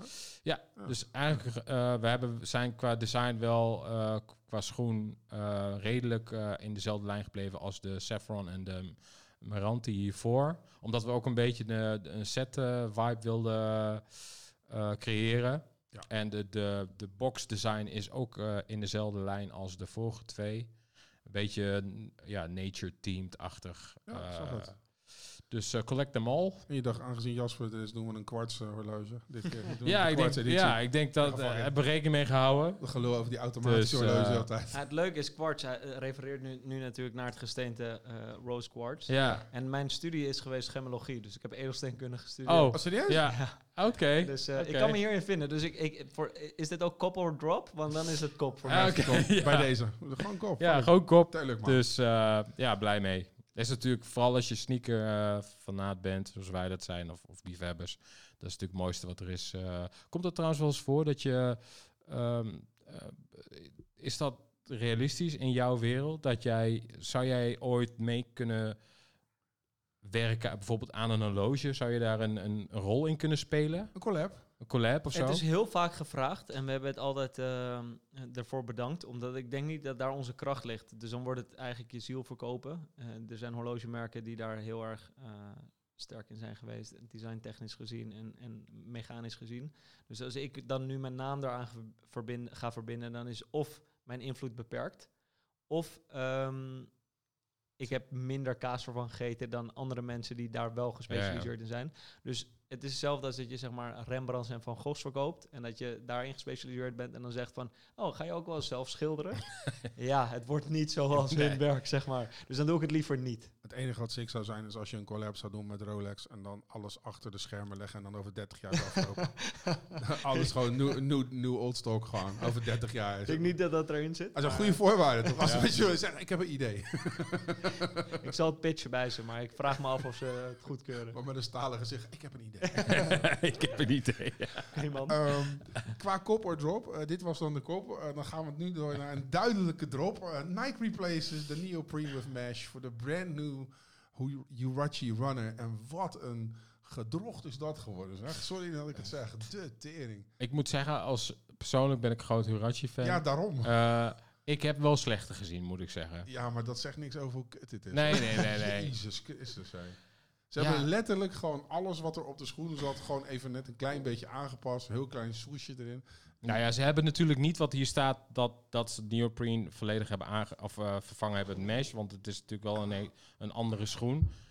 Ehm de aesthetic is helemaal veranderd. Ik kan, ik kan er helemaal niks mee. Sorry. Nee, ik, eh, ja, ik ben wel benieuwd wat het gaat doen. Er zullen wel waarschijnlijk eh 20 tot 30 colorways aankomen. Ja, is eh, ja, echt een absoluut goede schoen voor de sale. Ja, Top. vind je dit mooi, Jasper? Het is niet eh, mijn smaak, nee. Nee. Ja, zo had ik het ook kunnen zeggen. Dit is eigenlijk een soort van als je bijvoorbeeld een eh klassieke loge eh, helemaal zou aanpassen naar iets eh, van eh, naar iets hedendaags, zeg maar. Ja, ja de Hurachi smaakt, eh, het spreekt mij sowieso niet super erg aan. Ehm, maar dat is meer persoonlijk. Mhm. Ehm, ja, meer heb ik er niet over te zeggen. Nee. Nee. Oké. Ik ben wel benieuwd wat dit gaat doen. Dan in het eh, volgende nieuws wil ik toch, toch even waar we spreken. Dit, dit is vorige week gebeurd. Hier weet je natuurlijk van alles voorop. Dit kwam buiten. Eh dit is een Omega Speedmaster eh, verkocht. Volgens mij via een veilinghuis uit mijn hoofd. Ik weet niet of het Sotheby's. Philips. weet ik- Via? Philips. Ja, en voor een heel groot bedrag. En nu achteraf blijkt dat het horloge, dat het in twijfel wordt getrokken of die echt is. Of in ieder geval of het het horloge is waaronder die verkocht is. En Kan je de conclusie geven in Ja. plaats van de twijfel? ja, Het horloge klopt voor geen meter. nee. Eh, het horloge is verkocht eh, door Philips. Eh, resulteerde in een veilingresultaat van 3 miljoen. Terwijl de estimate tussen de 1 en 2 ton was. Dus 10 maal, meer dan 10 maal de hoge estimate, 15 keer de hoge estimate. Reden daarvan is omdat degene die het op de veiling heeft gebracht, zijn mensen binnen Omega van Omega Heritage Department. En die hebben dit horloge bij elkaar gebracht van originele onder, onderdelen. Ja. Dus dat noemen ze een Fra- eh, Frankenstein. Ja. Dus zijn wel originele onderdelen. Alles is van Omega, maar niet zo in deze configuratie geboren. Dus ze hebben het allemaal samengebracht. Ze hebben het daarna op de veiling gebracht, achter de rug om van Omega. Toen zijn ze eh, zelf, hebben ze Omega ervan overtuigd om dit horloge te gaan kopen voor hun Heritage Department. En vervolgens zijn ze zichzelf ook gaan tegenbieden, zodat die prijs omhoog ging. Vervolgens eh hamerde die af eh, ja, net onder de 3 miljoen. Ehm, en in de zij dus het geld en Philips de buyers premium en sellers premium. En is het horloge eigenlijk redelijk waardeloos. Lekker man. Ja, Het zijn wel, het zijn wel zeg maar, als je iemand zoekt die goed is een ondernemer, zou ik wel dit soort mensen aannemen. het is wel je- creatief. Dit is een goede accountant, ja. Is dat, eh, want dat, dat zien we in de sneakers natuurlijk al eh, heel lang, eh, fake. Eh, hoe, hoe is dat bij de horloges? Is dat gigantisch? Nou, fake is, ehm, Of- wordt of- opgedeeld in twee, in twee categorieën. Replica's? Ja, echt replica dat het nep is, is een heel overtrokken aspect. Alsof eh, het iets is waar we dagelijks mee te maken krijgen. Dat is het niet. We kunnen fakes altijd makkelijk onderscheiden van origineel. Alleen het lastige is, is als het een samenstelling is. Bijvoorbeeld een horloge uit 1960, maar de bezel is uit 1970. Een wijzerblad uit 1965. eh, de wijzerset uit 1963. En dan is het allemaal samengevoegd en dan vertegenwoordigt het een veel lagere waarde. Je moet wel de kennis daarvoor in huis hebben om dat eh, te kunnen inschatten. Ehm, en eh, voor verzamelaars is het dan eigenlijk een dood object, want je wilt hem wel zo hebben zoals hij destijds uit de Ja. fabriek kwam. Eh, dus dat is wel van belang en dat is iets waar we ook wel eens fouten in maken en zodoende geld verliezen, omdat we toch iets niet zien in eerste instantie en dan blijkt het anders te zijn. Maar fake, het is niet, ja, we hebben 8000 horloges nu verkocht ongeveer. Dus nul daarvan zijn fake, Oké. zeg maar. Dus we zijn ook nooit in de eh, gevarenzone gekomen van is dit nou echt of niet? We moeten echt gaan onderzoeken. Het is alleen Nee. soms dat een bepaald onderdeel of nep is of samengesteld. ja. ja. Ik kan me goed voorstellen dat, je, dat, dat op het moment dat dit gebeurt, dat er ergens in een appgroep met jou en vrienden en collega's en bekenden zijn. Heb je dat gezien? Zo. Ja, we, we waren in de zaal. Wij in de zaal? Ja, ja, dit was in Genève. We zijn altijd bij het veilingweekend. Dus we waren in de zaal en deze lots kwamen... eh, dit was een belangrijk lot, maar in een periode waar weinig belangrijke lots waren. Dus we gingen naar het restaurant om te eten. En toen pakte iemand zijn telefoon en zei... "Huh, die Omega Speedmaster staat op een miljoen, hoe kan dat? En toen ging iedereen kijken en toen ging hij door naar 3 miljoen. En toen was iedereen al een beetje verwittigd van eh, dat het doorgestoken kaart was. Ja. En nu een jaar later komt het naar buiten wat het exacte verhaal is. Ja. Ja. Wat, ik, wat ik wel interessant vind, wat je net zei met, met die replica's natuurlijk, of tenminste met die eh, eh, Frankenstein eh, Mhm. horloges. als je bijvoorbeeld zelf niet die kennis in huis hebt, waar ga je dan naartoe? Ga je dan naar je eigen netwerk? Of heb je mensen die daarin gespecialiseerd zijn? Kijk, wij hebben de specialisatie eh, in voornamelijk vier merken. Dus Audemars Piguet, Patek Philippe, eh, Cartier en Rolex. Ehm, is het iets wat buiten mijn ehm, interesseveld valt of enigszins buiten mijn specialisatie, dan ken ik wel de mensen daarvoor. Ja, ja. Maar jij als consument eh, is er één hele simpele reden eh, of regel en het is buy the seller. Dus koop gewoon bij iemand waarvan je weet dat het snor zit. En als, er niet, als het niet snor zit, dat je er naar terug kan. En als je gaat kopen op eh Katawiki of op eBay of op eh, Marktplaats, ja, als je dan een kat in de zak koopt, heb je gewoon pech. Ja, Ja. Ja, ja, ja. Wat is leuker, kopen of jagen? Wij zeggen altijd enjoy the hunt. Dus ik hou van het jagen en bezit van de zaak is het einde van het vermaak vaak. Ik heb maar te veel zo bij ons dat. Hé, hey, weer een schoen in de stapel. Ja. ja, ja, ja, ja. ja, ik ken het. Ik ken Maar ik heb wel vaak, als het, zeker als de jacht heel intensief is geweest, dan heb ik wel dat als hij dan om mijn pols prijkt, dat ik altijd met extra trots er naar kijk, zeg maar. Hoe vaak per dag doe je dat? Ik, ja, ik denk een stuk of 20, 25 keer dat ik naar mijn pols kijk. En niet vanwege de tijd, want ik, heb, ik zet mijn horloge nooit op Wat tijd. goed, waar staat hij nu op? Eh, ik heb hem nu op tien over half één. Ja, is wel redelijk in de buurt. Het is kort, het is tien over half zes. Is het. Oh ja. Welk merk is eigenlijk super underrated volgens jou? Voor horloges. Een underrated merk vind ik eh Breguet. Daar ben ik nu heel erg eh, gecharmeerd van. En dan zeker de vintage periodes voor jaren 90. Toen zat Daniel Roth daar. Dat is een soort Tom Sachs Ja. van de horloge-industrie. Ehm, en die heeft hele interessante dingen daar gedaan. En dat vind ik echt ondergewaardeerd, omdat eh, de massa hier nog niet van verwittigd is, omdat het ook altijd een beetje achter de schermen blijft. Dus in eh, de kledingindustrie zie je vaak wie de designer is. Dus ook al is het Chanel, is het ontworpen door eh Karl Lagerfeld of whatever. In de horlogeindustrie eh, is dat niet zo. Het is gewoon Rolex die het naar buiten bracht. Wie het heeft ontworpen, weet je niet. Er zijn twee hele bekende horlogeontwerpers. Eén daarvan is Gerald Genta. Maar een andere eh, die van groot belang is geweest is Daniel Roth, ook uurwerktechnisch gezien. En die heeft voor Breguet gewerkt. En in die periode heeft hij echt hele toffe dingen gebracht. En nu is het merk een beetje ondergesneeuwd in eh, ja, het segment waarin ze, ze opereren. Maar destijds kan je nog echt goede value buys vinden. En nu is het meer van, ja, de numerals, Breguet numerals. Het is numerals is bijna- natuurlijk ook bekend. Dus Ja. inderdaad de vormgeving van de nummers. Ja, maar het is eh, bijna teruggebracht tot dat. Daar ken je het van klopt. en de rest eh, zal wel.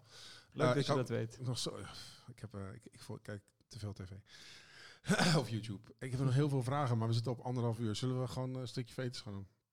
Laten we dat maar doen. Want Ryan was alleen van, hey, Tim, zeg maar, zeg maar, anderhalf uur. De stelling moeten we ook nog, hè? Ja, de- oh, de, stel, ah, de stelling nog wel. Ja, ik wil de stelling, nog wel gaan doen. De stelling is, eh, je bent geen verzamelaar als je maar één merk koopt. Ben ik niet met je eens. Want ik denk, we hebben het nu over, eh, ook over horloges natuurlijk, omdat Jasper er is. Er zijn denk ik ook in de horlogeliefhebberij mensen die alleen een bepaald merk verzamelen. Sterker nog, al één model. Ik heb één verzamelaar die heeft volgens mij 30 of 31 GMT's. Volgens mij heeft hij laatste een in de, hij had het laatste 30ste bij mij gekocht en hij heeft er nu nog eentje gekocht. Die heeft 30 GMT's. En waarvan ik denk 25 referenties 16570 zijn. Dus nog, zelfs nog één referentie heeft hij 25 verschillende. Ja, Maar dan is hij meer een GMT-verzamelaar dan een horlogeverzamelaar.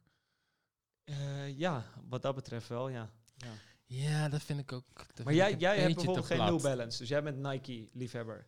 Dus 80% of het leeuwendeel van jouw collectie Alleen beslaat maar. Nike. Ja. Alleen maar. Dan ben je toch nog steeds verzamelaar? Ja. Ja, ja, dat Ik is heb dus het- de vraag. Ik heb een he- zelf een hele brede smaak, dus ik koop binnen alle merken, of tenminste binnen een eh, redelijk breed eh, merkenpakket, koop ik sneakers. Maar ik, heb, ik vind het juist mooi als mensen echt in een niche duiken binnen een niche. Dat ze bijvoorbeeld alleen maar New Balance 1300 eh colorways sparen. Net het voorbeeld dat Jasper net gaf. Of dat ze alleen eh, Adidas ZX eh, verzamelen. Ik vind het juist, juist vind ik dat tof. Misschien wel het summum van een verzamelaar. Dat je zo'n klein spectrum daar probeert... Kijk, je kan niet alle sneakers hebben. Maar je kan wel alle 1300's hebben. Snap je? Ja, ik, ik, ik, ik twijfel, man. Ik van mezelf ook. Ik vind mezelf echt te bekrompen en te veel Nike-groepie om mezelf sneakerverzamelaar te noemen. Maar dat, is- weet je, het soort van, ja, ik vind alleen dat tof en de rest niet. Maar je hebt wel een mening over andere dingen. Ja, alles kut. Maar Ja. maar ik denk dat er wel, waar wel een verschil in zit, daar ben ik het dan met Tim eens, is ik zie mezelf ook niet echt als verzamelaar.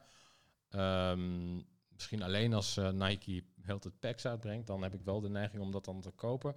Maar zoals met dat jij dat voorbeeld wat, eh, wat je gaf, die man die alleen dat ene eh, loge eh, helemaal tot in de diepte verzamelt, dat is echt een verzamelaar. Die wil gewoon dat compleet hebben. Die wil die hele serie hebben. Mhm. Maar binnen, ik ben gewoon iemand die koopt gewoon, eh, ik, ik koop wat ik tof vind, weet je wel. En jij ook. Ja. Maar er zijn ook mensen die wel, ook in de sneakers, die wel die serie zijn compleet maken zijn.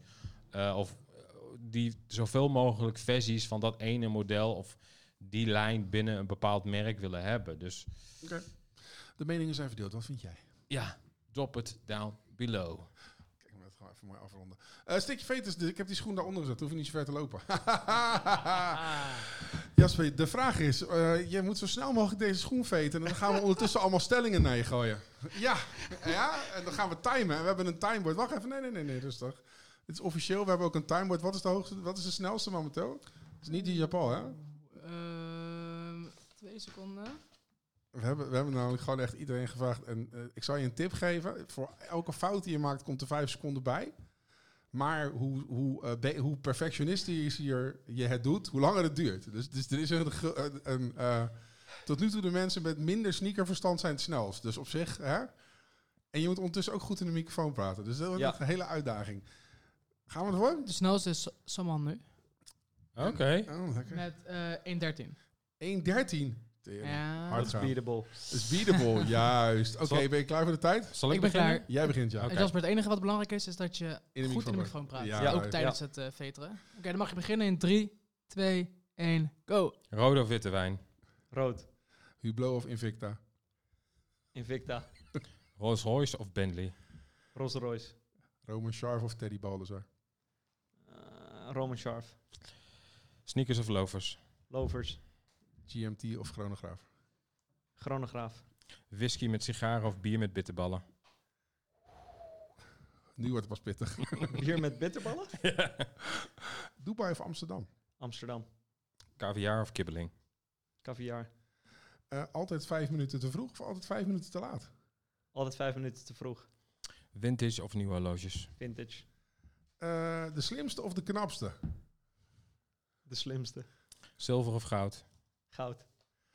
Oeh, eh, je teen stoten of op je tong bijten? Op mijn tong buiten. Frankrijk of Italië? Italië. Patek Philippe of Audemars Piguet? Patek Philippe. Seinfeld of Friends? Seinfeld. Eh, altijd een te kleine trui dragen of altijd te grote schoenen? De grote schoenen. Uit eten of zelf koken? Uit eten. Tracks NYC of Nico Lennart? Nico. En ook als ze gaan vechten, wie gaat er dan winnen? Nico, meer gewicht. Huren of kopen? Kopen. Eh, de- eh, vooruit plannen of spontaan? Spontaan. Privévliegtuig of jacht? Jacht. Eh, altijd underdressed of altijd overdressed? Nou, Overdressed. Ja, over, over zelfs? Voor hard gaan. You're never underdressed. You're merely... The rest is merely underdressed. Ah, ah. Oscar Wilde. schaak of dammer? Schaken. Eh, doof zonder benen of blind zonder armen? Doof zonder benen. Gucci Mane of eh, Lil Wayne? Gucci Mane. Tut, tut, tut, ja, weet ik veel. Je bent bijna klaar toch, boeien? Snorren of baarden? Paarden. Ik heb hem. Stop de tijd. Hij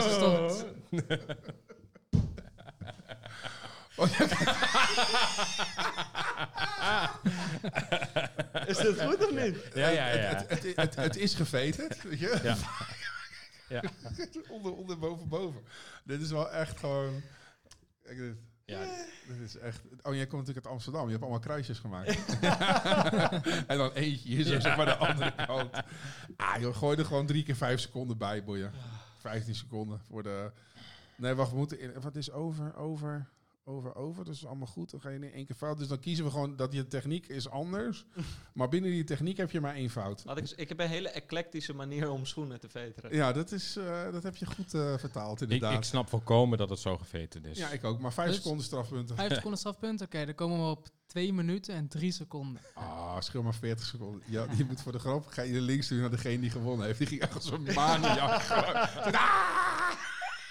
Maar heeft hij ook de vragen goed beantwoord? Of zei hij gewoon random dingen? Nee, nee, die Nee, had nee, vragen. Maar Oh. die, die was echt, maar die had ook drie fouten. Die was onder de minuut. Er kwam nog 15 seconden bij. Die heeft helemaal nergens op gelet gewoon. Ik vond het een hele leuke aflevering. Ja, ik ook. Ja, Ik ook. Gewoon Ik hoop dat, dat je ook de stellingen leuk vond. Want we hebben echt, we hebben wel echt wel eh, luxury stellingen hadden we wel een beetje. Ja, best gedaan. Ja. Behalve de Gucci Mane en Lil Wayne. eh. Nou ja, die had ik spontaan erin gegooid. Ja, omdat jij natuurlijk eh, die quote eh, deed. Dus, eh, Is er nog iets wat je aan ons wil vragen? Ja, waar is eh, de koelkast? Want ik heb nog wel dorst. Eh, boven gaan we voor je regelen. Top. Had Dat wel wel goed. geen probleem. Maar Ik ben... eh, Waar is het? Oh, hier.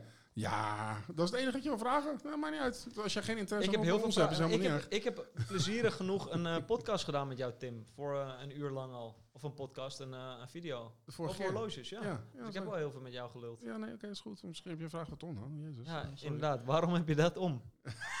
ja, wat is, nou, wat is ik- daar gebeurd? Ik, ik zei al tegen... eh, hey, je zegt dat ik moet gaan staan.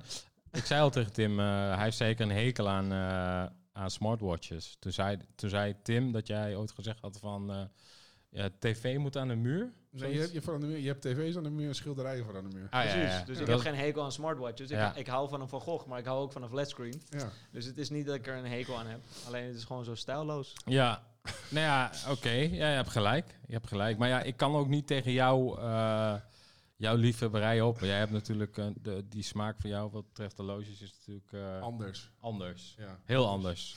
Koop anders een, een swatch. Gewoon een mooie swatch. Oké. Goeie. Een Moon- Moonswatch? Mm, Dat vind ik dan Ja, weer maar net die iets zijn te niet te, niet te krijgen. Ja, Dan moet ik weer ergens... Gewoon, zo, gewoon een jaar. Wat ik altijd doe als ik op vakantie ben, koop ik overal een paar jaren 80 of jaren 90 swatches. En dan geef ik die aan vrienden gewoon omdat het- ik vind het swatch heel leuk. zit, ja. daar- maar zi- zit daar ook gewoon geld in? Ik heb echt ja, geen flauw niet. idee. Dat is weer die het investering. wordt, het, maar wordt ik bedoel, verwer- het wordt verzameld, ja. Maar ja, het is niet iets wat ik doe. Ehm, maar ik weet dat er verzamelaars zijn van swatches. Maar ik vind het meer gewoon leuke horloges Om te om, om te geven. En Ja, ja. aan vrienden. Ja. oké. Dat je ja, voor me. Hey, ik eh, kom vanavond visite, ik heb een horloge voor je. Zo, hier weer een soortje. fuck, fuck jou en al je horloges. Gaan we nog wat kopen? Komt er nog wat uit? Eh, heel weinig eigenlijk, om heel eerlijk te zijn. Ik moet zeggen, ik kijk wel uit naar die MX-1 Chili. Die ziet er wel goed uit. Eh, Ehm, hebben we het niet over gehad, maar ja, Ja, nee, ja, daar hebben we al zo vaak over gehad. Eh, het is echt het MX 1 jaar. Eh, ja, dan die Mac Attack is wel leuk. Van New Balance konden wel leuke dingen uit. En, en jullie moeten natuurlijk allemaal mijn schoen gaan kopen. Oh ja. Nou, ik ga die Jordan 1 Low cement kopen. Ja? Ga ik doen. Vind ik wel een Tim schoen, ja. Ja. dus Ik ga wel voor die padden van jou. Die vond ik wel nice. Oh, cool. Echt leuk, eh, leuke schoen. Top. Ik hou van roze ook, dus dat is nice. Oké. Eh, Tom doet niks onder de 20.000 euro hè, qua segment. Doe maar een mooie barterdeal. Nee, ja. Wat. Nee, hij is al eh, rond. ik- hij is al rond de 250, 270 eh, euro. Maar hij is handgemaakt. Dus, hij, eh, hij gaat hem ook kopen. Je hoeft hem niet ja. uit. Het gaat hem goed komen. dus Eh, dit was weer een fantastische aflevering. Of je het nou vindt of wel vindt of niet vindt. Ik vond het wel. En hij was hij- super lang. Ja. Ja, dus doei. Doei doei. Tot de volgende.